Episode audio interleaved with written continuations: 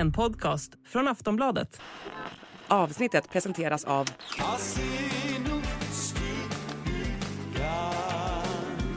Stödlinjen.se, åldersgräns 18 år.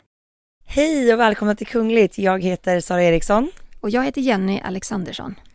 En komplicerad situation har uppstått mellan kungen och en kaféägare vid Ulriksdals slott.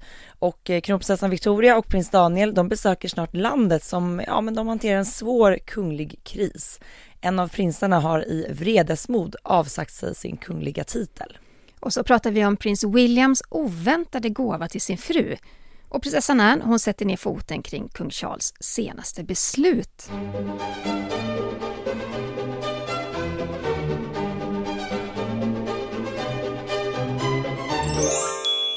Ett mastigt program Sara att ta oss igenom. Ja, men verkligen, vi måste ju börja här i Sverige och den här storslagna vinsten i Eurovision där Loreen kammade hem eh, segern för andra gången.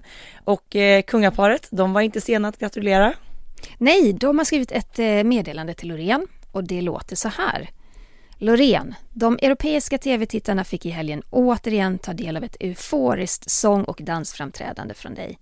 Vi framför våra varmaste gratulationer med anledning av din insats och historiska vinst i Eurovision Song Contest i Liverpool. Ja men som alltid när kungahuset kommunicerar den här typen av meddelanden så tycker jag de har lite glimten i ögat. Eh, euforisk sång och dansframträdande, eh, det var liksom en blinkning till Loreens förra låt, Euphoria, såklart. Såklart. Eh, jag tycker det var lite kul att se det här meddelandet ifrån kungaparet. Det var ju signerat både kungen och drottningen. Eh, vi har ju faktiskt pratat om det Jenny, att så här, varför ser vi aldrig kungligheterna gällande, alltså kopplingen Melodifestivalen? Jag vet inte, är det för folkligt? Eller Ja, kanske vi får se dem nu när Eurovision ligger i Sverige nästa år. Jag vet inte. Ja, det kanske det... krävs att det måste vara lite större. Det hoppas jag verkligen, för att om vi tittar på brittiska kungafamiljen nu så har ju de varit väldigt involverade i Eurovision Song Contest i Liverpool. Ja men kungaparet, de har ju verkligen stöttat Eurovision. De har varit med i olika videoklipp, gjort eh, reklam för Eurovision. Men framförallt prinsessan Catherine hon tog på sig en fantastisk blå galaklänning, satte sig vid en stor flygel på slottet och så spelade hon Ukrainas vinnarlåt från förra året. Och det är ju väldigt fint att sätta strålkastarljuset på dels förra årets vinnare men också Ukraina som land tycker jag. Ja men verkligen, så jag hoppas att vi ser en liten eh, bättre närvaro ifrån svenska kungafamiljen när det kommer till eh, slager och Eurovision nästa år. För vi vet ju att de gillar slager. Ja men det har man väl ändå förstått. Måns Zelmerlöw har ju spelat privat för prinsessan Madeleine till exempel. Carola gillar de ju, hon är ju nästan alltid med och spelar på kungens, eh, de här Soliden-spelningarna. Just det. Ja. Jill Johnson, ja. Ja, nej men det är många, så att eh, det hoppas jag verkligen och jag tyckte det var kul att de gratulerade Loreen till vinsten. Mm. Eh, snart så firar ju kronprinsessan Victoria och prins Daniel sin bröllopsdag. Den 19 juni 2010 så sa de ja till varandra i Storkyrkan i Stockholm. Så de har varit gifta i 13 år faktiskt. Ja. Och det är ju mycket bröllop och bröllopsdagar på G just nu. Jajamän. Och någon vecka före sin egen bröllopsdag så reser ju Victoria och Daniel till Jordanien för de ska ju vara med på kronprins Husseins vigsel med, med Rai, Raiva Al-Seif. Eh, så där kommer de att närvara som eh, då bröllopsgäster. Och relationen mellan det svenska och jordanska kungahuset är ju inte jättetajt. Eller hur Jenny? Nej, men, men ändå regelbunden skulle jag vilja säga. Det finns ju en kontakt där. Förra året så var ju kungen och drottningen på statsbesök i Jordanien och även Victoria och Daniel har varit där. De var i Jordanien hösten 2018 och de besökte då bland annat två flyktingläger. De vandrade på Jordan Trail som är en vandringsled utanför Amman. Och så självklart träffade de även den jordanska kungafamiljen. Och jag var ju med kungaparet nere i Jordanien då i, i november förra året eh, fantastisk upplevelse och man kunde se att det finns en, eh, alltså en jättefin värme mm. mellan de två kungaparen. Och det här är ju faktiskt det andra bröllopet för den jordanska kungafamiljen i år. De har ju haft fullt upp, jag förstår inte hur de har hunnit med all den här planeringen. Det är ändå ganska tajt däremellan. Ja, i mars gifte sig prinsessan Iman med Jamel Termiotis och man kan räkna med att det blir ett pampigt bröllop nu när kronprinsen gifter sig. Han och hans blivande fru de kommer att vigas i Saran Palace och sedan åker man vidare till Husenia Palace för en stor middagsbankett. Och Raiva hon är faktiskt intressant tycker jag.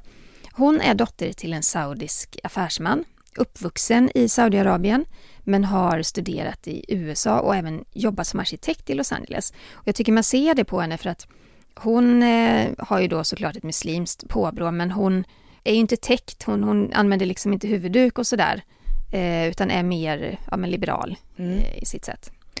Ja, och paret gifter sig bara dagar före kungaparet Rania och Abdullahs egna då 30-åriga bröllopsdag. Och eh, jag tycker det är lite spännande med det här frieriet eh, som har ägt rum innan bröllopet. För kronprinsen friade till Raiva i hennes hem i Riyadh och eh, båda familjerna närvarade. Ja, men det känns ju väldigt officiellt. Ja. Jag menar såklart de måste ha pratat om det sinsemellan innan med själva det här be om någons hand. Det skedde ju liksom då inför båda familjernas, ja, som vittnen. Som ja. vittnen. Eh, och nu är det då alltså dags för bröllop och eh, svenska kronprinsessparet kommer att närvara. Jordanien är ju ett spännande land. Det ligger väldigt strategiskt mellan flera andra länder som befinner sig i krig eller konflikt. Syrien, Irak, Saudiarabien, Israel. Det eh, finns ju otroligt många syriska flyktingar i landet i enorma flyktingläger. Men hela tiden så har man ju betraktat då Jordanien som en ganska stabil stat i jämförelse med de här andra länderna. Men det finns konflikter. Och jag tänker på en speciell konflikt inom den jordanska kungafamiljen. För kung Abdullah har en mycket infekterad relation till sin halvbror, prins Hamza. Han har anklagats för att ha planerat en statskupp för att ta över makten, alltså ta makten från sin brorsa och försökt att skapa motsättningar i landet.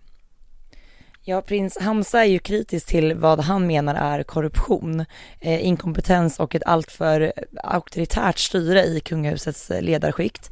Och efter att ha kritiserat kungen och eh, kungahusets eh, offentligt gjorde han ju det, då avsatte, eller han sattes i husarrest 2021.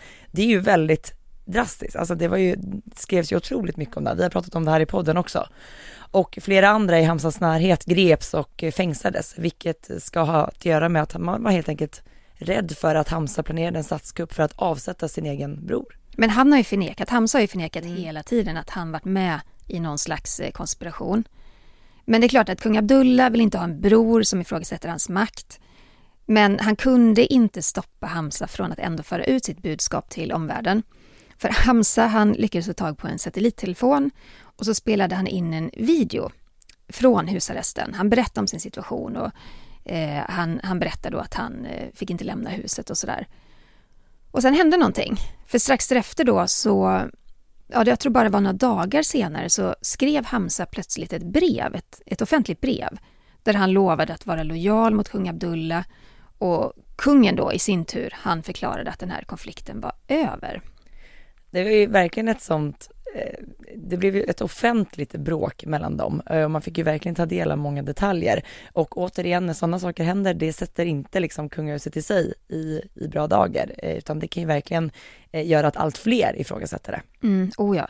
Och den här tuffa situationen, den sträcker sig ju långt tillbaka. Och det började ju redan när de, de här två halvbröderna var riktigt unga. För brödernas pappa då, kung Hussein, den gamla kungen, han favoriserade Hamza och hade planer på att göra honom till framtida kung. Men av någon anledning så ändrade han sig. För två veckor innan den gamla kungen dog, 1999, så valde han att göra Abdullah till tronarving istället. Men han behöll då Hamza som, som liksom kronprins, eller vad ska man säga. Och kanske man tror då att kungen kanske gjorde det här för att Hamza då ansågs vara fortfarande ganska ung och oerfaren och inte riktigt att passa som regent än så länge. Ja, många menar ju att Hamza aldrig liksom kommit över det här eftersom att han hela tiden trott att hans pappa ville ha honom på tronen. Sen blev det ju värre för 2004 så bestämde den nya kungen Abdullah då att Hamza inte alls skulle få vara tronarvinge. Den titeln gav Abdullah istället till sin son Hussein, eh, han som nu då ska gifta sig i juni. Så att det har ju varit väldigt infekterat och eh, som sagt, han gick då fram till två veckor innan sin pappas död och trodde att det var han som skulle vara näst på tur. Ja, och nuvarande kungen då, Abdullah, han vill ju då att eh, tronen ska vandra vidare i hans blodslinje och inte gå tillbaka till, till halvbrorsan där. Men Hamza, han har många anhängare, han är populär och eh, främst bland flera viktiga beduinstammar då som stöttar monarkin. Så han är ju en viktig person på den här kungliga plattformen. Och sen väldigt lik sin pappa, kung Hussein. Och så får han då viktigt stöd av sin mamma, drottning Nor. Och hon har ju då stöttat sin son på Twitter flera gånger. Hon har bland annat skrivit att sonen är utsatt för elakt förtal. Och Nour är ju lite speciell. Det, alltså, många känner igen henne. Hon var ju otroligt populär när hon eh, var gift med, med kung Hussein. Men hon har faktiskt bott i USA sedan den gamle kungen dog. Och nu är det ju mer fokus på en annan drottning. Ja, drottning Rania hon är ju otroligt populär, verkligen. Och eh, det har ju såklart också stärkt nuvarande kungens ställning. Där tror jag att han har mycket att tacka henne, att hennes popularitet har varit så stark hela tiden. Ja, och i april förra året så avsade sig prins Hamza sin kungliga titel och menade att han vill inte vara en del av kungahuset som det ser ut idag. Han menar att det går inte i linje med hans pappas då, den gamla kungens värderingar.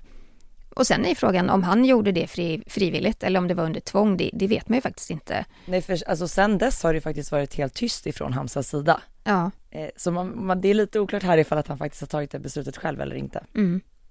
Vi ska förflytta oss till Storbritannien och prata om prins Williams lite märkliga gåva till Kate. I en intervju med Peter Crunch i hans podd på BBC Radio 5 Live så avslöjade faktiskt prins William att hans fru Kate blev ganska så besviken på en present som han gav henne en gång, ja det var ganska så här tidigt när de hade börjat dejta. Prins William berättade då att han gav Kate en kikare och att Kate haft lite svårt att eh, komma över det här.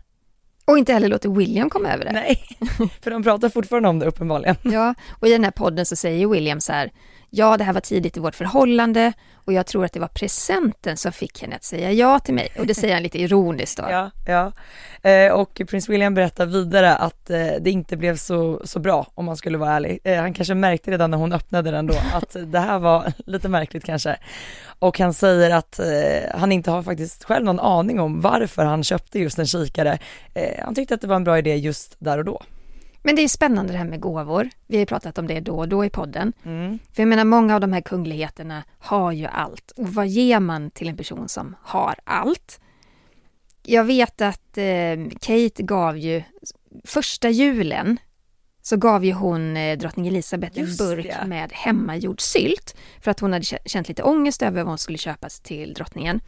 Men att det hade tagits emot jättebra och den syltburken hade ställts då på frukostbordet redan nästa dag. Det var ett bra betyg. Det var ett bra betyg. Eh, nej men det, ja vad ger man egentligen till någon som allt? Jag tänker här hade ju i och för sig William och Kate precis börjat träffas eh, så att eh, han kanske kunde ha varit lite finurligare än en Ja. kikare. Eh, men vi hörde också det, det var väl prins Harry som berättade att eh, prins Philip och drottning Elizabeth hade gett Archie, jag tror det var hans första jul, ett våffeljärn i present för att han älskade våfflor. Så de hittar ju på lite konstiga saker, Ja men väldigt omtänksamma saker ändå tycker jag. lite genomtänkta. Vi har ju sett eh, vår kung ute i julhandeln köpa böcker, sportgrejer. Mm. Eh, sen vet vi också att eh, de gillar lite humoristiska prylar i kungafamiljen och där var ju prinsessan Lilian en fena på practical jokes. Var det mycket så här hoppa upp saker från paket och såna Ja. grejer? Det var det. Ja. Nej, alltså det är bara att tänka själv vad, jag tycker det är ganska svårt att köpa presenter, särskilt till män. Jag tycker det är mycket lättare att köpa till kvinnor. Eller hur? Ja, men om man då skulle få ett uppdrag att köpa en present till en kunglighet, eh, kanske inte en kikare, men jag hade haft svårt att komma på någonting bra.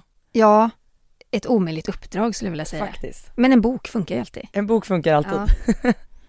Men vi stannar kvar i Storbritannien för att vi ska prata om prinsessan Diana. Ett privat brev som prinsessan Diana skrivit har blivit offentligt och det är Dianas tidigare butler Paul Burrell som visar upp det. Och han berättar att Diana skrev det någon gång mellan 1993 och 1997. Och i det här brevet så skriver prinsessan att hon stöttar monarkin i Storbritannien. Vilket kanske förvånar många för att hon var ju i ständig konflikt med ja, kungahuset. och eh, utåt sett så var ju hon den som faktiskt avslöjade, eh, vad ska man säga, mörkret bakom slottets väggar. Den här eh, iskylan som hon mötte, hur hon liksom mådde väldigt dåligt. Så att det var inte direkt så att hon utåt sett i media glorifierade hovlivet. Men i det här brevet då så är det uppenbart så att hon stöttar monarkin. Hon skriver bland annat så här, citat.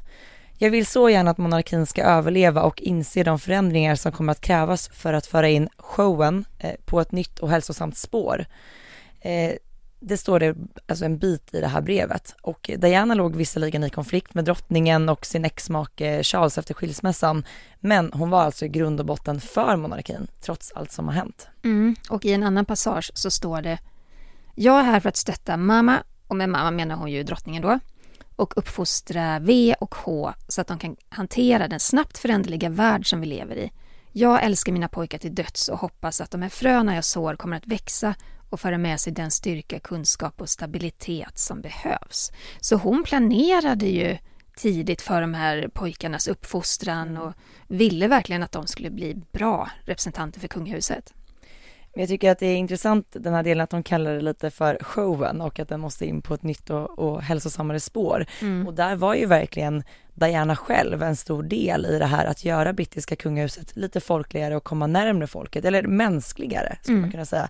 När hon liksom faktiskt tog sig tid och pratade med människor, tog i hand, kramades och så vidare. Hon var ju den första som faktiskt visade lite den här mänskliga värmen och det är tydligt att hon verkligen ville föra över det till William och Harry. Ja, och hennes eh, tidigare butler Paul Burrell berättar då att Diana brukade lämna lappar och brev till honom, eh, till exempel på hans skrivbord och det skedde hela tiden.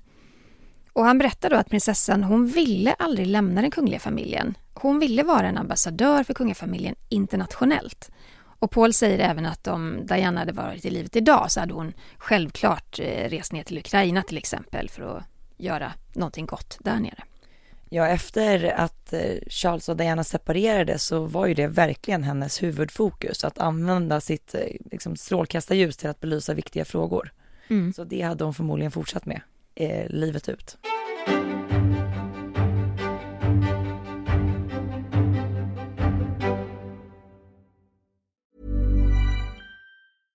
Ryan Reynolds här från Mint Mobile. Med priset på nästan allt som går upp under inflationen, trodde vi att vi skulle bring våra priser down. So to help us, we brought in a reverse auctioneer, which is apparently a thing.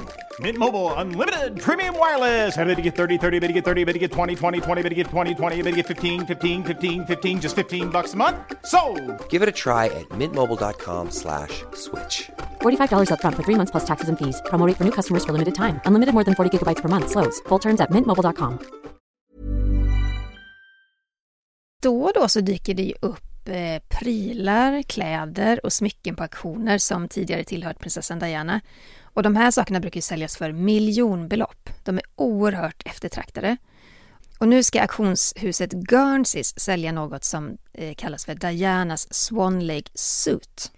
Ja, men jag tycker att det är så spännande när de här grejerna kommer ut på auktion och de har ju faktiskt hunnit byta ägare det, det mesta några gånger. Eh, senast såg vi någon klänning här, den här lila, som gick för ett eh, ganska så högt pris. Eh, nu är det då halsband och örhängen som eh, är tillverkade enbart för Diana och hon var även själv med och skapade designen så att det är ju väldigt så här personligt avtryck i de här.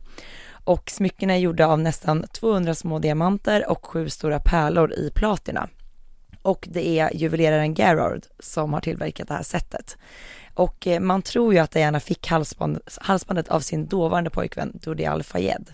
Mm. Och efter Dianas död så sålde familjen halsbandet och örhängena till en privat köpare. Och enligt vissa uppgifter så var det en brittisk lord som köpte de här smyckena till sin fru. Men hon ville faktiskt aldrig bära dem. Hon kände sig inte bekväm med det med tanke på Dianas tragiska öde. Så den här lorden han sålde smyckena eh, på Guernseys auktionshus till en affärsman från Texas. och honom finns det ett namn på, han heter James, eller heter James Muckingvale. Och han sålde vidare dem då till en familj från Ukraina som nu idag då är djupt påverkade av kriget i landet och vill sälja dem. Här känner jag bara, buda så mycket ni kan gott folk. Verkligen. Ni med pengar och förmögenheter. Klubba hem det här. Klubba hem det och mm. Eh, bidra med lite hjälp till eh, en familj i Ukraina. Men det är intressant när de här, alltså när Dianas kläder eller smycken eh, säljs på auktion som vi ser då och då, eh, då kan man också verkligen se, de, de skriver ganska noga eh, hur många ägare det har varit emellan då, att Diana hade dem i sin mm. ägo fram till nu. Och vissa har ju faktiskt liksom haft dem under en längre tid och väljer att sälja nu, men det vanligaste är som i det här fallet att de faktiskt har hunnit gå mellan några ägare fram tills idag. Mm. Vi måste prata om prinsessan Anne också. Eh, dagen före kröningen så var Anne med i en intervju med Kanadas CBC News och den har blivit mycket omtalad.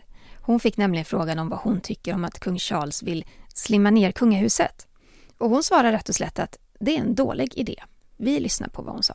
Well, I think the slim down was, was said in a day when there were a few more people around to make that seem like a justifiable Right. comment. The world changes a bit. It changes a bit. I mean, it doesn't sound like a good idea from where I'm standing, I have to say. I'm sure it does I'm not not. quite sure what else, you know, we can do. Ja, hon försvarar ju det brittiska kungahuset för att det ger en långsiktig stabilitet, kontinuitet och godhet till Storbritannien och samväldet. Och kung Charles han har ju gjort klart att han vill smalna av kungahuset och visa att han är ekonomisk genom att ja, men dra åt pengapåsen. Och eh, bland annat så ska inte prins Andrew längre få ta del av pengar från Charles privata plånbok. Eh, det här är då de här pengarna vi brukar prata om som kommer från Privy Purse och hertigdömet Lancaster. Mm. Och när prinsessan Anne fick frågan om vad för typ av kung som Charles kommer att bli så sa hon lite skämtsamt att ja, du vet ju vad du får för han har ju hunnit öva ett tag. och jag tror inte han kommer att ändra på sig. Och jag menar Charles, han var ju 74 år när han blev kung och har som sagt haft gott om tid att förbereda sig. Men Ann får ju också frågan ifall att kungafamiljen diskuterar monarkins och eh, familjens relevans med tanke på liksom hur många kungahus som tappar folkets stöd i högre grad idag. Och vi kan väl lyssna på vad hon svarade på det. Well, we don't, um, in many respects, need to deal with it. Not least of all because um, it is the monarch that is the, the key to this, and the constitution um, that underpins the monarchy. We as a family see ourselves there as to support that role. What we do, we hope, contributes um, to the monarchy and the way in which it can convey continuity uh, of not just interest but of service, of understanding, uh, the way that people and communities um, want to live their lives. And I think so often we get the chance to see communities and, and the people who do things really well and are very generous with their time um, in a way that, if you look at the media, you tend not to get that impression. Are there conversations about relevance? There will be everywhere. It's not a conversation that I would necessarily have. I think it's in, it, it perfectly true that it, it is a moment where you need to have that discussion. But I would just underline the, that the monarchy provides with the constitution a degree of long term uh, stability that is actually quite hard to come by any other way.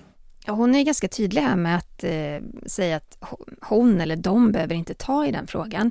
Därför att det är monarken som är i centrum och konstitutionen.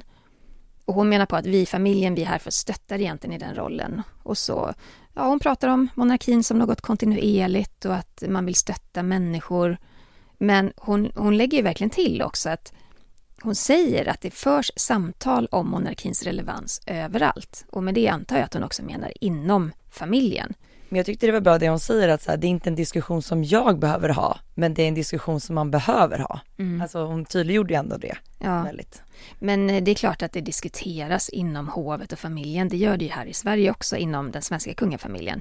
Där är man oerhört medveten om hur man ska hitta sin relevans i det samhälle man lever i just idag. Och en av de sista frågorna som hon fick eh, var ifall att hon är orolig för framtiden för monarkin och kungahuset. Och då svarade hon ju väldigt tydligt med ett rungande nej. Nej, det är hon säkert inte. Men Nej. jag tycker det är en fråga som är viktig att ta upp för att jag tror många kungahus i Europa har en liten oro kring i framtiden. Därför att ehm, det är ju så att den yngre generationen är ju inte lika lojala eller intresserade ens en gång av kungahusen. Eh, drottning Elizabeth hon var ju oerhört älskad och respekterad och det är såklart svårt för kung Charles att fylla hennes skor. Hon regerade i över 70 år. Charles har precis passerat 70 år i ålder, han är 74. Och enligt en ny undersökning då från YouGov eh, i Storbritannien så stöttar 56 procent av britterna monarkin. Men den yngre generationen blir allt mer ointresserad av kungafamiljen. Och det här stödet rasar bland britter som är mellan 18 och 24. Och många vill hellre se en president i kungens ställe. Så ja, nej, Ann kanske inte är orolig, men det finns definitivt en anledning att vara orolig. Jag tänkte också på det under kung Charles kröning, både i liksom sändningen här i Sverige och eh, även i Storbritannien. Så pratade man till exempel då när kung, eller prins George gjorde entré, som då är eh, prins Williams son. Man sa inte att där kommer han som ändå ska bli kung, utan man la till att om kungahuset finns kvar så är han en framtid, framtida regent. Eh, redan där, alltså den inställningen är ju lite annorlunda. Jag tänker också på, vi var på plats i London under kröningen, eh, vi träffade många som var där för att liksom stötta och hylla Charles, eh, men det var också många röster som la till att eh, så här, ja min dotter är ju till exempel inte här. Mm. Hon är inte jätteintresserad och att de kanske var då just så här 18 till 24 års åldern att det inte alls finns ett samma stöd där och vi såg också många eh, röster som är ifrågasatta, äh, ifrågasätter hela monarkin och tycker att kröningen i sig var liksom bortkastade pengar och man borde inte lägga så mycket pengar på det här i tider av kris och så vidare. Så att allt fler ifrågasätter ju den brittiska monarkin. Så Ja, vi ju. såg ju många republikanska grupper som var där och demonstrerade och gjorde sina röster hörda. Mm, Så det är klart att de strömningarna växer sig starka också. verkligen. Vi ska gå över till veckans Harry och Meghan.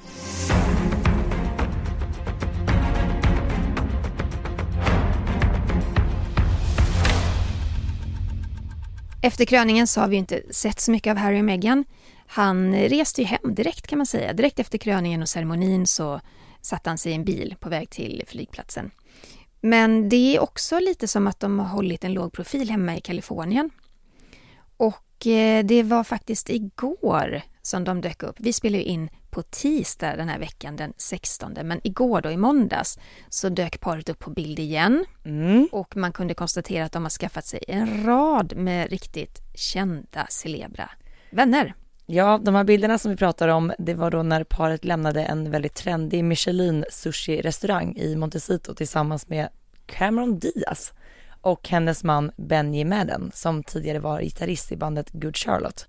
Ja, och så var det ett annat högprofilerat par också. Eh, de namnen kände jag inte igen, men de är också kändisar då i USA. Vilket gäng som var ute och käkade en måndag. ett, ett bra gäng, kan jag säga.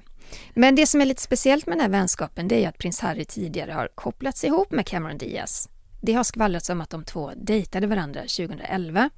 De ska ha träffats på ett exklusivt gym, men det här förnekar Harry i sin bok Spare. Han menar att de kom aldrig i närheten av varandra på det Bara gymmet. kompisar kanske. Bara- Nej, jag tror inte ens de kände varandra då. När det det är en ny vänskap nu, nu som har liksom. Ja, i Kalifornien. Mm. Nej men med tanke på liksom hur, ja men i slutet av året så släppte ju Harry och Meghan sin eh, dokumentär på Netflix. Eh, Det har varit väldigt mycket skriverier och uppmärksamhet kring Harrys bok The Spare, intervjuer, vi har sett dem mycket i tv. Det har ju verkligen varit tyst ifrån parets sida sedan dess, eh, några månader nu.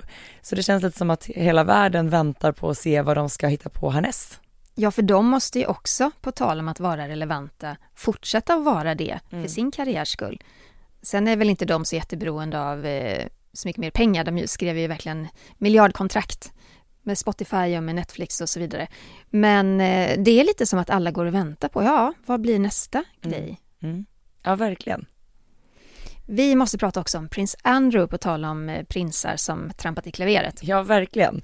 Eh, vi har ju pratat eh, om det tidigare här i podden att brittisk press rapporterar mycket just nu om att prins Andrew ska flytta ifrån Royal Lodge i Windsor. Han flyttade dit 2002 och tecknade då ett avtal för bostaden på hela 75 år. Det var ett ganska så bra hyresavtal får man lov att säga. Eh, men som ni vet så är ju prins Andrew sedan 2019 inte längre en arbetande kunglighet. Eh, de här anklagelserna om våldtäkt, hans eh, vänskap med Epstein och så vidare gjorde ju att han stängdes ute ifrån den kungliga värmen och vi har ju inte sett honom representera kungahuset sedan dess och ja men nu vid kung Charles kröning så var det också tydligt att han inte längre är en arbetande kunglighet. Han, likt prins Harry, blev ju placerad på rad tre inne i Westminster Abbey. Han var inte med på balkongen tillsammans med kungafamiljen så att, och han blev utbuad Jenny, utanför Ja. Westminster. Ja, men det stämmer. Ehm, folk gillar inte honom. Nej. Det står ju tydligt. Men så är det ju också så att kung Charles ska slimma ner kungahuset som vi pratade om innan. Så han planerar att eh, dra in utbetalningar till sin bror via Privy Purse, det är de här pengarna från hertigdömet Lancaster. Och det gör det ju svårt för Andrew att betala kostnaderna för det här enorma huset Royal Lodge. Enligt en källa från en nära vän till Andrew så vägrar Andrew att lämna. Ja. Det stod Charles. Ja. Charles. Jag tar om det. Men enligt en källa då från en nära vän till Andrew så vägrar prinsen att lämna Royal Lodge enligt eh, Daily Mail då. Och prins Andrew påstås då ha krävt ett personligt möte med kung Charles efter att källor nära honom hävdade att han, ja, inte har några planer på att lämna sitt hem på Royal Lodge. Och det skrivs ju och pratas väldigt mycket om att det ska då lämnas över till William och Kate istället för att han ska bo där. Eh, det är allmänt känt att Royal Lodge som tidigare beboddes av drottningmodern är tänkt alltså framtidsmässigt för prins William och hans familj. Och eh, prins Andrew flyttade in i det här lyxiga hemmet efter drottningmoderns död 2002. Eh, frågan är om han kommer lämna, kommer han bli utkastad? Jag har sett också att det är jättemånga eh, som skriver att så här, nu kommer Charles stänga av strömmen och vattnet för att han ska flytta. Men Nej. det gick också ut dementerade att det kommer inte hända. Det kommer inte hända. Nej. Nej, men han tar ju hand om sin familj. Det kommer ju finnas en annan bostad för prins Andrew såklart. Ja. Det pratades ju ett tag om Frogmore Cottage, men eh, det gick väl till Eu- Eugenie och hennes man, Yes. alltså Andrews dotter. Ja, nej, men det är ju en långkörare det här med prins Andrew och han bor ju faktiskt tillsammans med Fergie, sin ex-hustru. De har ju inte flyttat ifrån varandra. Vi De- får ju faktiskt ganska ofta frågor hit till podden om det så här. Eh, de är inte gifta men de bor tillsammans. Ja, Ja, det stämmer. de verkar komma väldigt bra överens. Ja. Vi ska prata om kungen också. För eh, idag, så, idag tisdag då den 16 maj, så kom den här nyheten om att Uppdrag granskning har börjat, de har riktat sina kameror mot kungen. Det är så här, vid Ulriksdals slott så finns det ett café som drivs av en kvinna som heter Indira Ali Kalfitch, jag hoppas jag uttalade det rätt. Eh, det har funnits där i över 17 år. Det är jättepopulärt bland besökarna. Jag har varit där, supermysigt. Men nu så blir hon ja, mer eller mindre utkastad. Eh, då kungahuset behöver mer pengar. De vill istället öppna ett besökscentrum i de där lokalerna. Och när kungahuset nu tar över så använder de sig av en 200 år gammal överenskommelse som innebär att kungen har rätt att bestämma över flera fastigheter som ägs av svenska folket, av staten. Och den här beskrivningen då som visat sig vara felaktig har spridits och använts som argument av Statens fastighetsverk när kungen då, när det här beslutet har verkställts.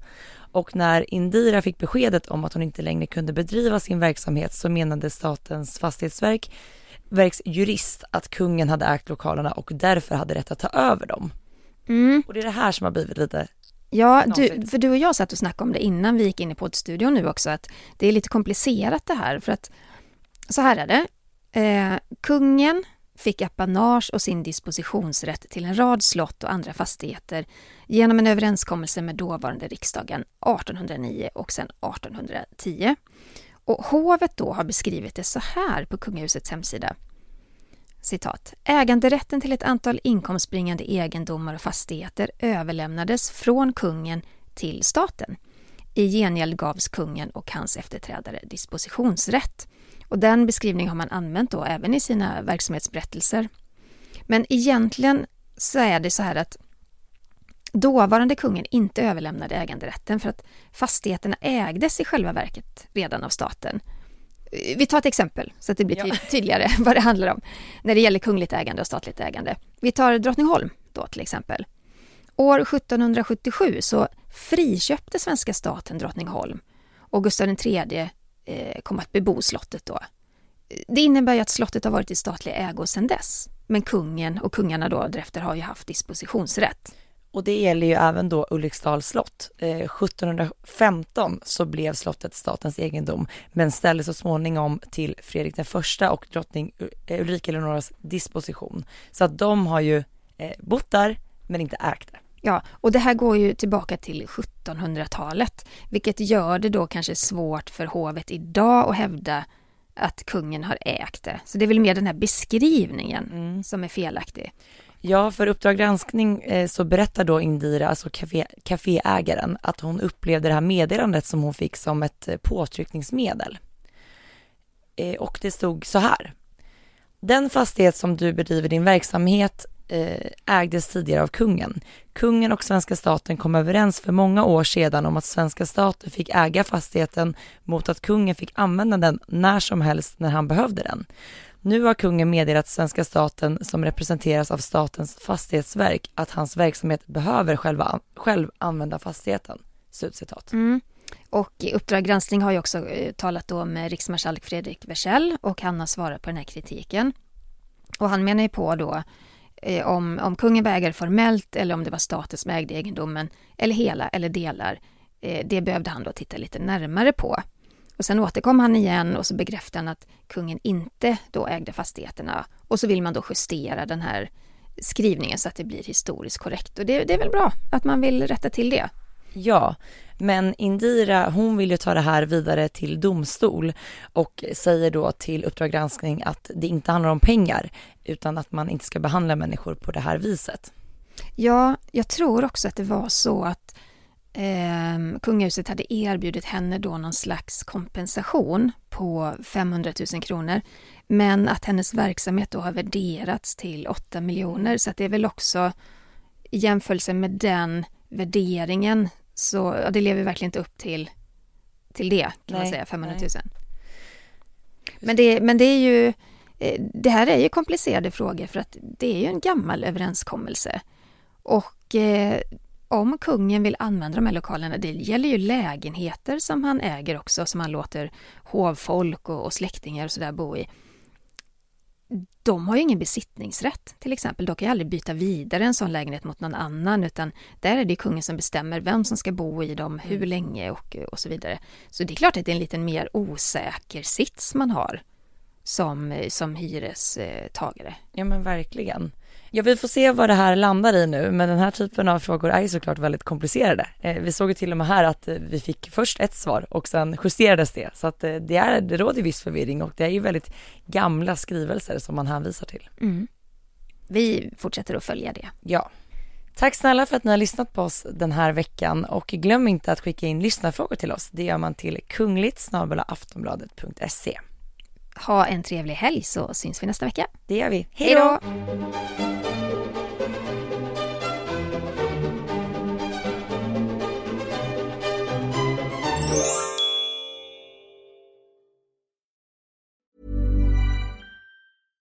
Finding your perfect home was hard, but thanks to Burrow, furnishing it has never been easier.